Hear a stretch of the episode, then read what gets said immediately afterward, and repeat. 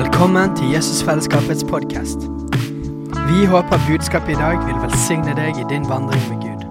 Og om du vil ha mer informasjon om menigheten, kan du gå inn på jesusfellesskapet.no.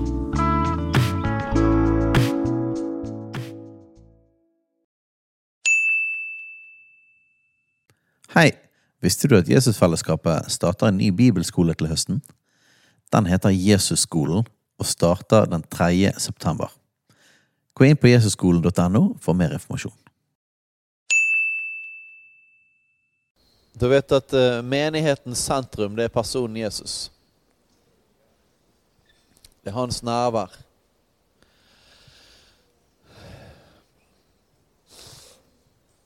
Vi mennesker har en tendens til å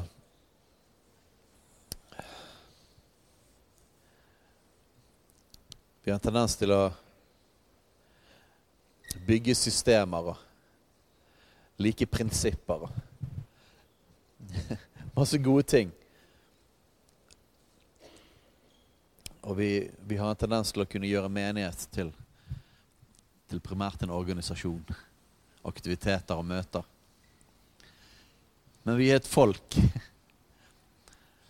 Vi er en kropp. Og vi er ikke bare hvilken som helst kropp. Vi er Jesus sin kropp. Vi er hans legeme. Og han er hodet.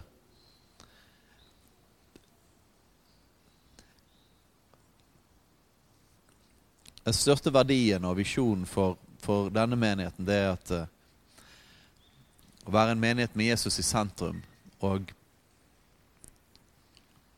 stedet hans nærvær. Et hvilested for Den hellige ånd. En bolig for Gud.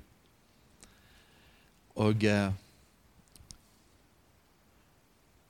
Derfor har vi bønn og lovsang her hver eneste dag her i bygget. Nå er ikke menigheten bygget, menigheten er folket. Um, men å ha bønn og lovsang her er som et sånn profetisk tegn. Det er som en eh, proklamasjon av det vi vil være som et folk. En proklamasjon av at alt kommer ut derfra, og alt Alt starter i hans nerver. Alt startet med han. Og jeg har merket at Det har begynt å komme flere og flere de siste par ukene i, i bønnehuset hver dag. Eh, og jeg har merket at det er en økning av hans nærvær. Jeg har merket det denne uken. En økning av hans nærvær. Merket det på disippelskolen på onsdag. Det var en økning av Helligåndens nærvær. Plutselig, Han kommer jo alltid når vi tilber Han. Men noen, det er rart med han, for han er ikke langt borte fra noen av oss, sier Bibelen. Eh, det er ikke sånn at han, eh, det er ikke sånn at han går fra fravær til nærvær. Han er, han er overalt, han er allestedsnærværende. Men samtidig så ser vi gjennom Bibelen at, at selv om han ikke er vekke, så kommer han mer.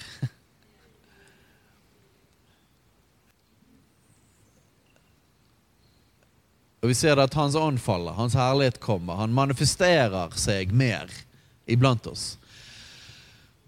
Og jeg opplevde at han, at, at han, øker det for tiden. Og det er jo At hans nærvær øker, er jo en totalt forutsigbar konsekvens av at vi søker han mer. Han kommer når han er invitert, når vi prioriterer han. Og Det er hans lengsel. Er ikke det fantastisk at det er ikke bare vår lengsel å være med han, men det er hans lengsel å være med oss. Vi er hans lengsel. At vi skal være nær til Han, er hans lengsel. Det er et rop gjennom hele Bibelen, fra helt i starten til helt i slutten. Det er et av bibelverset, et av det utsagnet som blir gjentatt veldig mange ganger i Bibelen. det er dette at Jeg vil være deres Gud, og dere skal være mitt folk. Og jeg vil bo midt iblant dere. Det er Guds lengsel. Jeg vil være deres Gud, og dere skal være mitt folk. Jeg vil bo midt iblant dere. Det var sånn det var i Edens hage. Gud vandret i hagen sammen med dem. Vi så det i tabernaklet når israelsfolket var i ørkenen. Da skulle tabernaklet, der Guds herlighet og nærvær, det skulle være midt i leiren. Og så skulle alle teltene være rundt, settes opp rundt tabernaklet. Og så skulle åpningen til teltet være imot tabernaklet. Hvorfor det? Fordi at når de kom ut hver eneste morgen, så var det hans nærvær de så på. Hans nærvær var sentrum. Hans herlighet var sentrum av de. Uten hans nærvær iblant de, så var de bare en gjeng med folk på telttur i ørkenen. Det var han som definerte de som et folk. De var Guds folk. Og på samme måte når de kom inn i det love landet Israel, så skulle de bygge et tempel. Så var det var bare en, en, en, en, litt større versjon. Hardere og større versjon av tabernakler. Og det var en bolig for Gud. Guds nærvær midt iblant dem. Og det var sentrum av Jerusalem. Det var sentrum av landet. Det var sentrum for folket. Og i den nye pakt så er vi tempelet. Vi er tempelet, vi er Guds bolig. Og når vi kommer sammen, hva er da viktigst? Hva er det da vi har blikket på? Nei, det er på Han.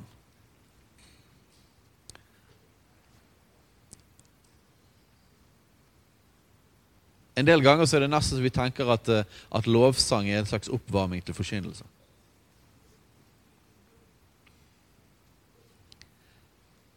Men vi er faktisk Det kommer høyere oppe på prioriteringslisten at vi er skapt til å tilbe. Det kommer faktisk over at vi er skapt til å høre Hans ord. Å høre Hans ord er viktig. Men å tilbe Han er enda viktigere. Det er, det, jeg vet ikke om det er noe som er viktigere enn å tilbe Han. Det er iallfall rimelig høyt der oppe. Og Vi kan jo se det bare med hvordan det er foran tronen. Og Vi leser om det i Johannes' åpenbaring, hvordan det er foran Guds trone. Og foran Guds trone så er ikke det sånn at de 24 eldste 24, natt og dag forkynner Guds ord.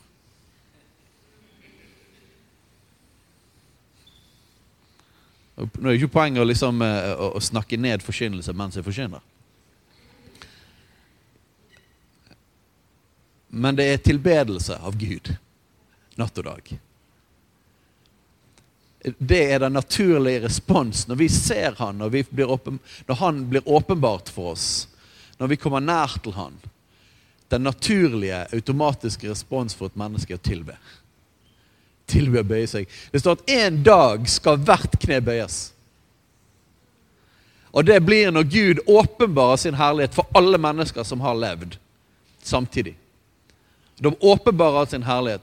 Og da finnes det ingen annen reaksjon enn å falle på kne og tilbe Han. Tilbedelse er liksom helt ned i roten, i dypet av hvem vi er og skal være som mennesker. Og vi tilber noe uansett. Men vi er kalt å tilbe Gud, ikke tilbe oss sjøl eller tilbe skapningen.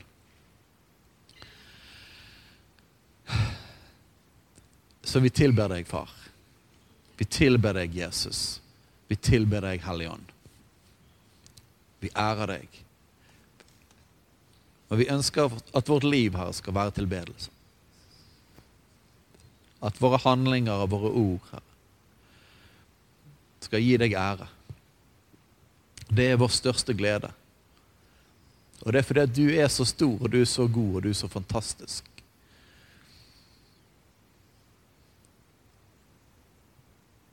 Og når vi erfarer din kjærlighet, så kan vi ikke annet enn å elske tilbake. Vi elsker deg fordi du elsket oss først.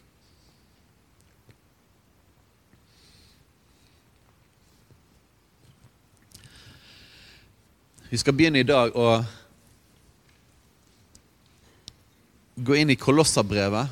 Men vi skal inn i en, en serie, en, en, epoke. Jeg opplevde Den hellige ånd sa at vi skulle Vi har forkynt veldig masse bra ting og viktige ting. Um, men at, at, at, vi skulle gå inn i en periode der vi bare forkynner personen Jesus. Um, og så er det alltid litt sånn her om vi snakker om Den hellige ånd eller vi snakker om Faderen, så er man alltid litt sånn her uh, man, man, har ikke lyst til liksom å utelate de andre. Sant? Så jeg liksom sånn Blir det dumt? Men, men uh, når jeg har sett, sett, på dette her med personen Jesus, så ser jeg det at uh, det ser ut som at Faderen og Den hellige ånd ble enige om at Jesus skulle få hovedfokuset. Det er sånn det virker som i sin menighet. At han skulle få æren. Vi selvfølgelig ærer vi Faderen. Og Poenget med at Jesus kom, var jo for å vise oss Faderen. Hvem Faderen er. Eh, for at vi skulle komme tilbake til Far. Og Den hellige ånd han er jo den som herliggjør Jesus. Og Den hellige ånd er jo den som fyller oss med Faderens kjærlighet. Så alle disse tingene henger sammen hele tiden. Men jeg tror ikke jeg gjør Den hellige ånds sorg eller Faderens sorg når vi sier det at Jesus han er sentrum. For det er sånn Det nye testamentet beskriver det. Og I Kolosserbrevet så blir det utrolig tydelig. Så hvis dere kan slå opp med meg i Kolossene 1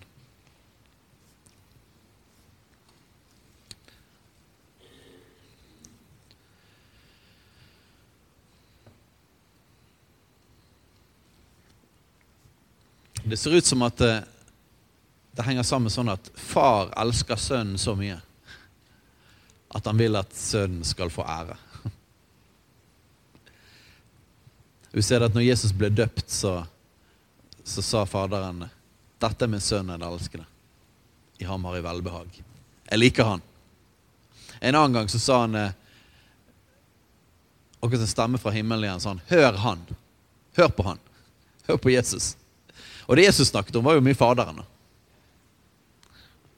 Og så kom Den hellige ånd på pinsedag, og, og Den hellige ånd som sagt herliggjør Jesus. Peker på Jesus. Hjelper folk til å forkynne Jesus. Og så viser Jesus veien til Faderen. Så det henger sammen. Det er, liksom, det er sånn umulig å rive fra hverandre. Men i vers 13, i Kolossene 1, vers 13, så begynner det med 'han'. Og den 'han', det, det, det er i vers 12. Det er Faderen. Og Alt disse tingene henger sammen. Alt det Paulus skriver, henger jo sammen i en lang setning på innpust og utpust. Så man må bare begynne et sted. Men det henger sammen med det som er foran. Eh, og der står det om Faderen, at vi, at vi kan takke Faderen. Og han, da, i, i, han, det er da Faderen. Ok? Så han er den som fridde oss ut av mørkets makt. Så Faderen fridde oss ut av mørkets makt. Han tok oss ut av mørket. Er ikke det oppmuntrende? Jeg har ikke lyst til å være i mørkets makt. Han tok oss ut, han fridde oss ut av mørkets makt, altså Faderen. Og så satt han oss, han tok oss, og så satt han oss over i sin elskede sønns rike. Så det er Sønnen sitt rike, men det var Faderen som tok oss ut av mørket og så puttet oss inn i Sønnen sitt rike. Jesus sitt rike. Eh, og i det riket så er det Jesus som er herre. Han er konge. Og Faderen vil det sånn. At Sønnen skal være konge, og at det skal være hans rike. Han har altså fridd oss ut av mørkets makt og satt oss over i sin elskede sønns rike. Og så kommer det da en lang liste over, over Jesus over hvordan Jesus er. I ham, det er altså Jesus, har vi forløsningen, syndenes forlatelse.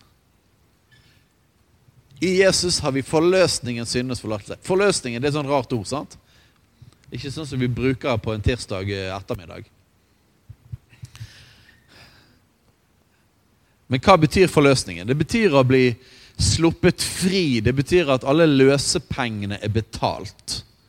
Det betyr at vi er blitt eh, befridd. Det kan òg være at vi ble, liksom, ble utløst Forløsning er òg et ord på, på, på, å føde. At et barn ble forløst. Så det kom liksom ut derfra og så ut i friluft. Da ble det forløst. Men i denne sammenhengen så er altså forløsningen det at Jesus betalte løsepengene for oss. Så det betyr at, eh, det betyr at vi hadde en haug med Vi hadde masse gjeld. Og det var sånn, det er for, for, så vidt fortsatt sånn i Norge, men det skal litt mer til i, i, i Norge. Det er sånn at Hvis du har nok gjeld som du ikke kan betale, så blir du satt i fengsel. Det skal som sagt mye til i Norge. skal det være mye gjeld. Men, men i, i, antikken og på denne tiden her, så var det sånn at hadde du for mye gjeld, så ble du satt i fengsel. Da var du bundet. Eventuelt kunne du bli slaven til noen. Du blir slaven til de som du skyldte noe. Så vi alle var slaver, da. Og vi alle sammen hadde en gjeld som vi ikke kunne betale. Vi var i fengsel. Og så kommer Jesus, og så betaler han gjelden vår. Han betaler all gjelden. Og det er uansett hva vi hadde gjort resten av livet, hadde vi aldri klart å betale den gjelden. Men han betalte alt sammen. Så forløsningen er å bli sluppet fri. Alle løsepengene har blitt betalt. Løsepenger det gjør jo at man tenker på å være gissel òg. Det kan jo være et litt mer moderne bilde på det. Så se for deg at du er tatt til, du, du, du, tatt til gissel av, av eh, Al Qaida eller noe sånt. som. Og så kommer det noen, og så betaler de løsepengene. Han. ti millioner dollar for at du skal slippe løs. ikke det er fantastisk? Og så slipper du fri! Du har sittet inne i en eller annen hule. Fanget, umulig å komme ut av. Og så plutselig en dag så blir du satt fri, for noen andre betalte. I ham har vi forløsningen. Så hva er forløsningen? da? Det er syndenes forlatelse. Det er tilgivelsen for synd. Han slettet synd. Synd var gjelden vår. Og han slettet den. Neste vers. Han, altså Jesus, han er et bilde av den usynlige Gud. Den førstefødte framfor enhver skapning. Det vil si at når, når, Jesus gikk rundt omkring, så viste han oss hvem Faderen var. Han var et bilde på Gud. Han var sånn, sånn, Det Jesus sa, det er, sånn, det er sånne ting Faderen sier. De tingene Jesus gjorde, det er sånne ting Faderen gjør. Fordi at han sa at han, 'jeg gjør ikke noe annet enn det jeg ser Faderen gjøre'. Så når vi ser på Jesus, så, så kan vi se hvem Faderen er. Han var en fysisk representasjon, en fysisk manifestasjon av Faderen. Han er et bilde av den usynlige Gud, den førstefødte fremfor enhver skapning. For i ham, i Jesus, er alt blitt skapt. I han er alt blitt skapt. Jesus var med i skapelsen. Det står et annet sted at eh, Jesus var Ordet. Og Gud talte Ordet, og Ordet skapte. Så Jesus var Ordet som Gud talte, sånn at ting ble skapt. Så alt ble skapt i Han. Gjennom Jesus. I himmelen og på jorden det synlige og det usynlige, enten det er troner eller herredømme eller makter eller myndigheter. Alt er skapt ved ham og til ham. Eller for ham. Så hva betyr det? Det betyr at meningen med eksistensen er personen Jesus Kristus. Og selvfølgelig når vi sier at han er meningen, så inkluderer det selvfølgelig Faderen og, og Den hellige ånd. Men det står på den måten at det er personen Jesus. Så alt er skapt av han. Det er ikke bare at han skapte det, at han, han satte det i gang, og så stakk han. Nei, hele poenget med skapelsen er han. Og Det betyr at det er kun når han er i sentrum at ting faller på plass og gir mening. Hva er meningen med livet? Jesus Kristus. Det er meningen med livet. Han er meningen. Han er faktisk livet, til og med. Han sa 'Jeg er sannheten, veien og livet'. Veien, sannheten og livet. Han er livet. Og Han sa òg at det evige liv det var å kjenne Han og Han som sendte Han, det Faderen. Det var det evige liv. Så han er det evige liv. Han er livet. En annen gang så sa han at 'jeg er oppstandelsen av livet'. Den som tror på meg, han skal ikke dø. Han er, han er livet. Han er oppstandelsen. Han er sentrum. Alt er skapt til han. Er ikke det herlig at vi har mer enn et budskap? Vi har en person. Alltid når, når jeg snakker med ufrelste, når vi har hatt gateevangeliseringer, pratet med folk som ikke tror på han, så, så er jeg så utrolig oppmuntret av nettopp det at jeg ikke har et, primært et budskap som jeg skal overbevise noen om. Ja, det er et budskap om han, men budskapet taler om en person som fins. Så jeg har ikke bare et budskap, jeg har en person. Jeg kjenner en person, jeg har en person inni meg. Du kan få en berøring av han ikke bare høre om han, sånn at du intellektuelt begynner å tro på han. Du kan få en berøring av personen Jesus. Og han er i meg, han bor i meg. Den hellige ånd er her. og noe jeg, har sagt dette flere ganger, men jeg husker jeg sto utenfor bystasjonen og snakket med en person som var sånn hardbanket uh, ateist. Og han kom med masse sånne eh, aggressive argumenter for hvordan hvordan Gud ikke kunne fin finnes. da.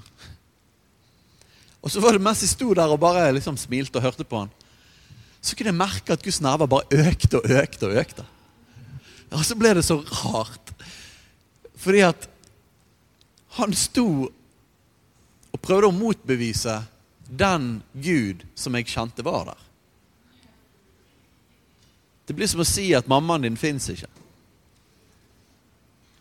Men jeg kjenner mamma. Det blir helt sånn latterlig. Du kan ikke overbevise meg. Jeg kjenner henne. Jeg har møtt henne. Og hvis du står ved siden av meg, så blir det enda rarere at du sier at hun ikke fins. Vi har en person. Vi har ikke bare en teori, vi har ikke bare et budskap. Alt er skapt ved Han og til Han. Vil du finne meningen med livet, så er det Jesus. Han er før alle ting. Og alt består ved Han. Så verden ble skapt ved ordet, men det består òg ved det ordet. Så det er ikke bare det at han har liksom lagd verden, og så nok en gang forlatt den, og så klarer den seg sjøl. Nei, verden faller sammen uten han. Han er kontinuerlig skapende og opprettholder av hele skaperverket. Alt består ved ham. Og han er hodet for legeme. Hva er legeme? Det er kroppen. Så han er hodet på kroppen. Og Nå skal jeg si noe som er bibelsk, men bare hvis du forstår det rett. Blasfemisk hvis du tar det ut av kontekst. ok? Vi er Jesus. Det er, feil. det er feil hvis du tar det feil, men det er rett hvis du tar det rett. ok? Men det at vi er hans kropp, det betyr at vi er Altså, han er i oss, og han er hodet. Og vi er Vi er en del av Jesus. Så når vi er rundt omkring, så er ikke vi bare en representant for Jesus. Vi er en kroppsdel. Det er noe litt mer direkte, ikke det? Så hodet er jo det som sender alle signalene. Det er jo, det er han som leder oss og eh, styrer, styrer kroppen. Men vi er hans kropp. Vi er hans kroppsdeler. Derfor er det utrolig dumt å ikke være del av en lokal forsamling og et fellesskap. Det er jo, det er ikke sånn at, at hver eneste lokalmenighet er hele kroppen. Nei, på, på, ingen måte. Hele kroppen er jo alle som er troende, alle som, som følger Jesus på hele jorden.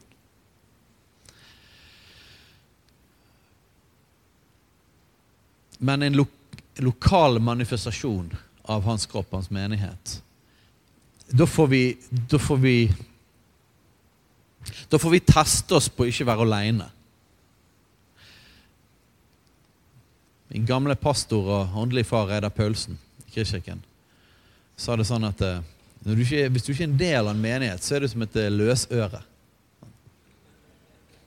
Det var litt sånn ordspill. Men vi har ikke lyst til å være sånne kroppsdeler som er løsrevet fra kroppen. Nå er det selvfølgelig Kroppen er på en måte Jesus, men det er ikke, det er ikke bare at hver enkelt av oss er koblet rett på hodet. Til og med det groteske bildet.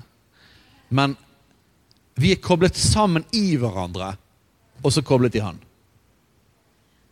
Så vi er ikke bare masse individer som har en kobling til Jesus, men vi er en kropp som er koblet sammen med hverandre og Jesus på samme måten. Så solokristendom er ikke en representasjon er ikke, er ikke en god representasjon av, av, av, Guds rike. Av Guds menighet. Av, det er ikke en god representasjon av personen Jesus.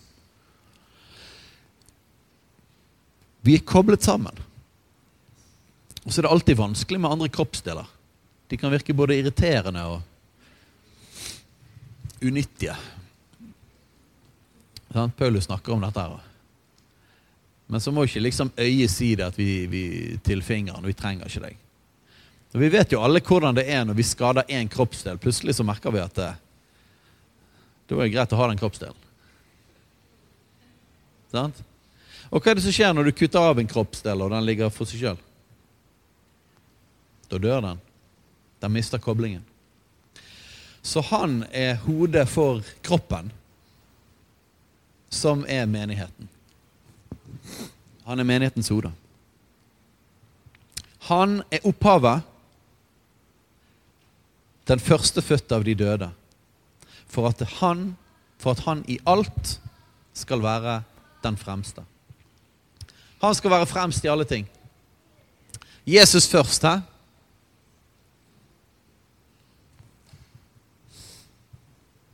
Katrine, har du et sånn papirtørkle? Sånn? Snufser sånn av all griningen.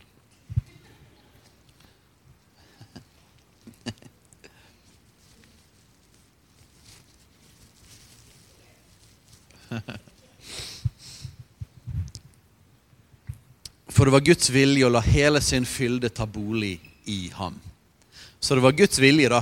Det var Faderens vilje å, å, å ta sin bolig i Jesus, men at Jesus skulle få den plassen og den æren. Og ved ham forlike alle ting. Forlike, vet du hva det betyr? Det er òg et sånn gammelt ord. Forlike det er å forsone, det er å sammenkoble. Å bli forlikt med sin fiende. Sant? Bli forsonet, fikset opp igjen. Så han Gjennom Jesus så forlikte Faderen oss med seg sjøl. Forlike alle ting med seg selv da han gjorde fred ved blodet på hans kors. Så Jesu blod skapte fred. Hva fred da? Ja, dere vet vi var Guds fiender. Men Jesu blod skapte fred. Nå var det sånn at Faderen ville jo alltid, han skapte jo oss til kontakt med oss. Men pga. synden så ble vi fiender. Men ved, gjennom Jesu blod så ble det fred. Ved ham, enten det er de som er på jorden eller de som er i himmelen, også dere som før var fremmede og fiender av sinnelag. Ja, der står det. Vi var fiender av sinnelag i deres onde gjerninger. Har Gud nå forlikt med seg selv ved hans kjøds legeme ved døden for å stille dere fram. Se på dette her, da. Ikke bare betalte han alt for oss. Ikke bare tilga han oss all vår synd, og dermed tok vekk fiendskapet. Gjorde at vi som var fiender av Gud, nå ble forlikt med Gud, forsonet med Gud. Ikke bare gjorde han fred, men det han ville for fred er jo litt sånn nøytralt. Da er du på null. ikke du? er sånn, Ok, det, det, det, er ikke krig lenger. Men du kan være litt der borte. Har ikke lyst til å være med deg. Nei, Gud ville mer enn det. Han ville stille oss frem hellige, ulastelige og ustraffelige for sitt åsyn. Altså foran seg sjøl. Hvordan er dette her? Er ikke det sånn at uh, Guds herlighet, det å stå foran Gud, foran Guds trone. I oss sjøl. Og om vi skulle ha synd, så ville vi dø når vi sto foran Guds trone. Men Gud vil ha oss foran sin trone. Gud ønsker at vi skal være foran hans trone. Han vil ha oss der. Men for at vi skulle kunne være der, så, så, måtte, han, så måtte Jesus gjøre dette. Men han ville altså stille oss fram hellige. Hva betyr hellig? Det betyr satt til side. Det betyr eh, Nå, nå, det, nå, har ikke vi så mye av det lenger. På Færøyene hadde de det lenger. Nemlig de hadde sånne bestestue. Noen som har vært borti sånn hus. Det var veldig frustrerende hos min bestemor og bestefar på, på Færøyene. Så var det sånn, ca. Sånn 50% av liksom, hovedetasjen var en stue som vi aldri fikk lov til å gå inn i. Og der var det iskaldt. Og der var alle de fine tingene. Alle de vakre tingene var der inne. Og kanskje om søndagen så ble det åpnet opp. inn i det aller herligste. Og det gikk på julaften og sånne ting. da.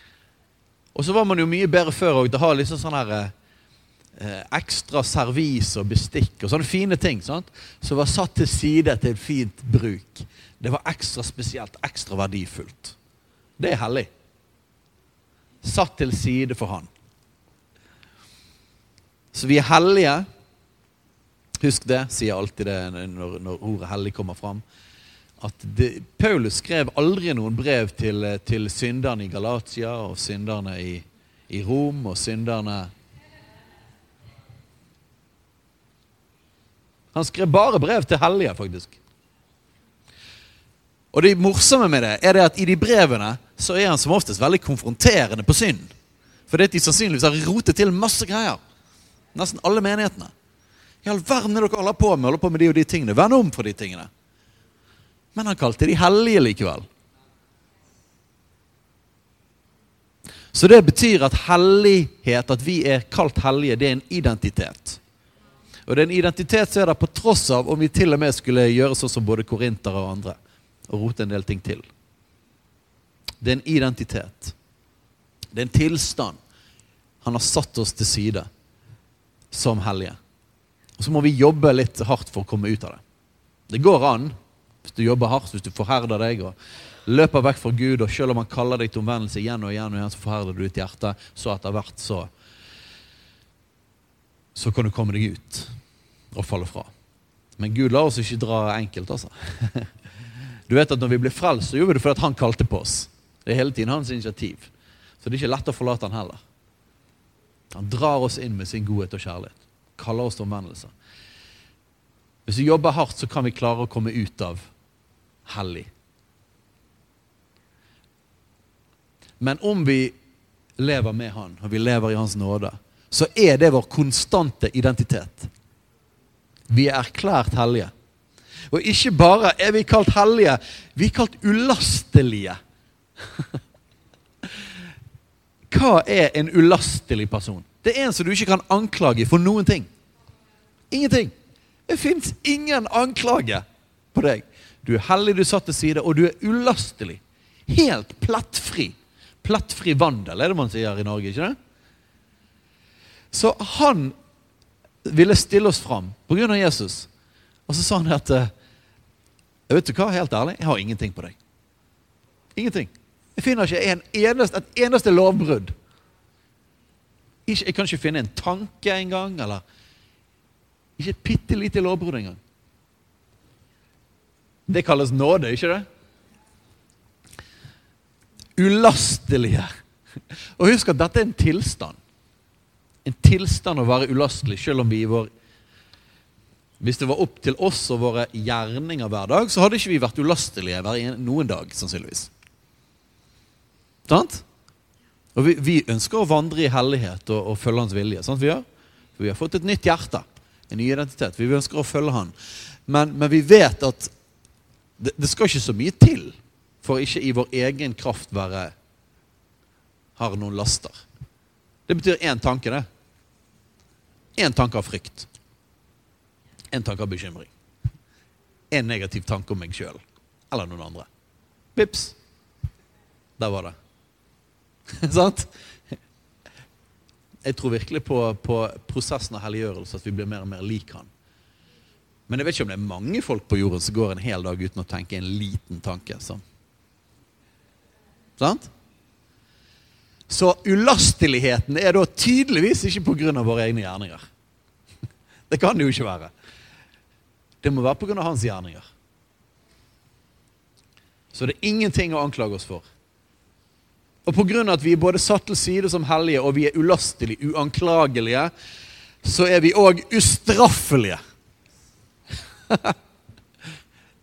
det er ingenting å straffe oss for. Vi kan ikke straffes. Vi har fått immunitet. Vi har diplomatisk immunitet. Og Paulus sa dette flere ganger. Ikke bruk nåden og friheten en, som en unnskyldning til å synde. Ok? Det er Bibelen tydelig på. Ikke bruk friheten som en unnskyldning. Jesus sa det til den, den kvinnen som var grepet i hor Sant? Er det ingen som anklager deg? Heller ikke jeg anklager deg. Gå bort og synd ikke mer. Så Guds nåde er ingen unnskyldning til å fortsette å leve i opprør og ulydighet.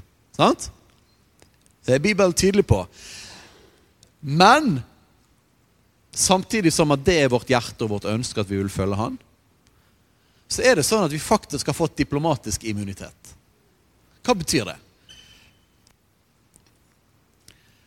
Nei, det er jo noen Jevnlig så er det noen sånne saker da kommer i avisen. At det er en eller annen bil som har drevet råkjørt. Og så eh, viste det seg at det var, hadde litt sånn diplomatskilter. Så de kan ikke gjøre noe med det. For hvis du jobber på en ambassade og har sånne diplomatskilter på bilen, eller du har liksom ID på at du er diplomat, så er det sånn at det norske politiet kan ikke ta deg. Det er klart, det kan bli en intern prosess. Det kan være at ambassadøren ikke syns det var en god idé. Så, så, så, det kan være at Jesus tar en intern prosess, eller Den hellige ånd. Jeg sier at det var ikke smart. Kan være at vi slutter å gjøre det. Men du kommer til å være ustraffelig hele tiden. Skjønner du forskjellen? Ser du det? Så vi er ustraffelige. Vi kan ikke straffes for våre lovbrudd, for vi har immunitet. Og så tar han heller en intern greie. Slutt å, slutt å gjøre det. Men vi kan aldri straffes. Tenk at vi er ustraffelige fra nå og til evigheten så lenge vi er Jesus. Det er radikalt. Takk Gud for at straff og dom ikke treffer oss. Halleluja. Takk at ikke vi blir straffet for våre synder, verken her i livet eller i livet videre. La oss ikke bruke vår frihet, vår diplomatiske immunitet.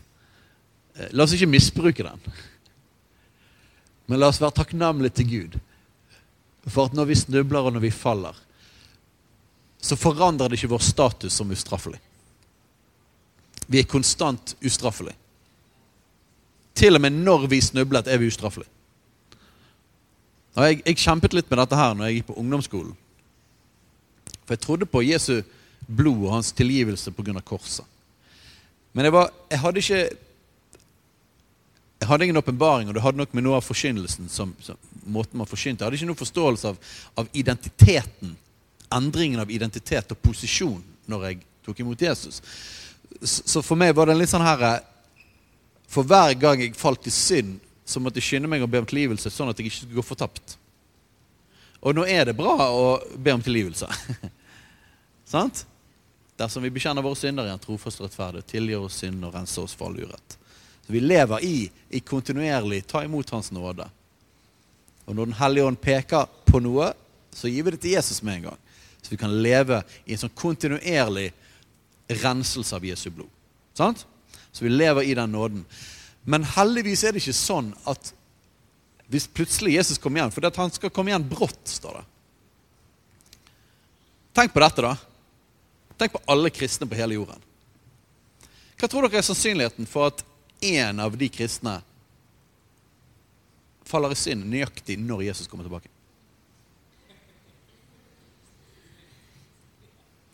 Det er en stor sannsynlighet, ikke det? Så takk Gud for at vi har fått en ny posisjon og en ny identitet. At det ikke er sånn at vi faller inn og ut av nåden for hver tanke eller handling. Men nok en gang, ikke la det brukes som unnskyldning. For det at vi ønsker jo å leve. Vi lever jo ikke for Vi ønsker jo ikke å holde hans Gjøre hans vilje fordi at vi skal bli frelst. Vi har jo fått en ny posisjon. Vi ønsker å gjøre hans vilje fordi at vi er takknemlige. Fordi vi har fått en ny natur. Fordi at vi elsker han. Frelsen er gratis, og vi elsker fordi han elsket oss først. Så vi er hellige, ulastelige og ustraffelige foran hans åsyn. Om dere bare blir ved i troen, grunnfest og faste, og ikke lar dere rokke fra det håp som evangeliet gir. Det er poenget. Bli ved i troen. Bli i dette. Bli i dette som Jesus har gjort. Bli grunnfestet i det. Bli fast i det. Og ikke la dere rokke fra det håpet som evangeliet gir. Ikke la dere rokke. Bli, Jeg bare ser for meg sånn her, føttene liksom nede i sement. Ikke la dere rokke. Jeg ser for meg sementen er liksom evangeliet. Ikke la dere rokke for det er håpet som evangeliet gir. Ja, evangeliet gir håp, ikke det? Merker vi det når jeg forkynner dette evangeliet nå? At det gir oss håp? Gir oss glede? Takk, Jesus. Bli i det håpet som evangeliet gir. Og evangeliet har dere hørt, det har blitt forkynt for hver skapning under himmelen. For det er jeg, Paulus, blitt en tjener. Jeg tror vi gir oss der. Det er masse mer i kolossene som vi skal gå inn i seinere. Men eh, takk, far,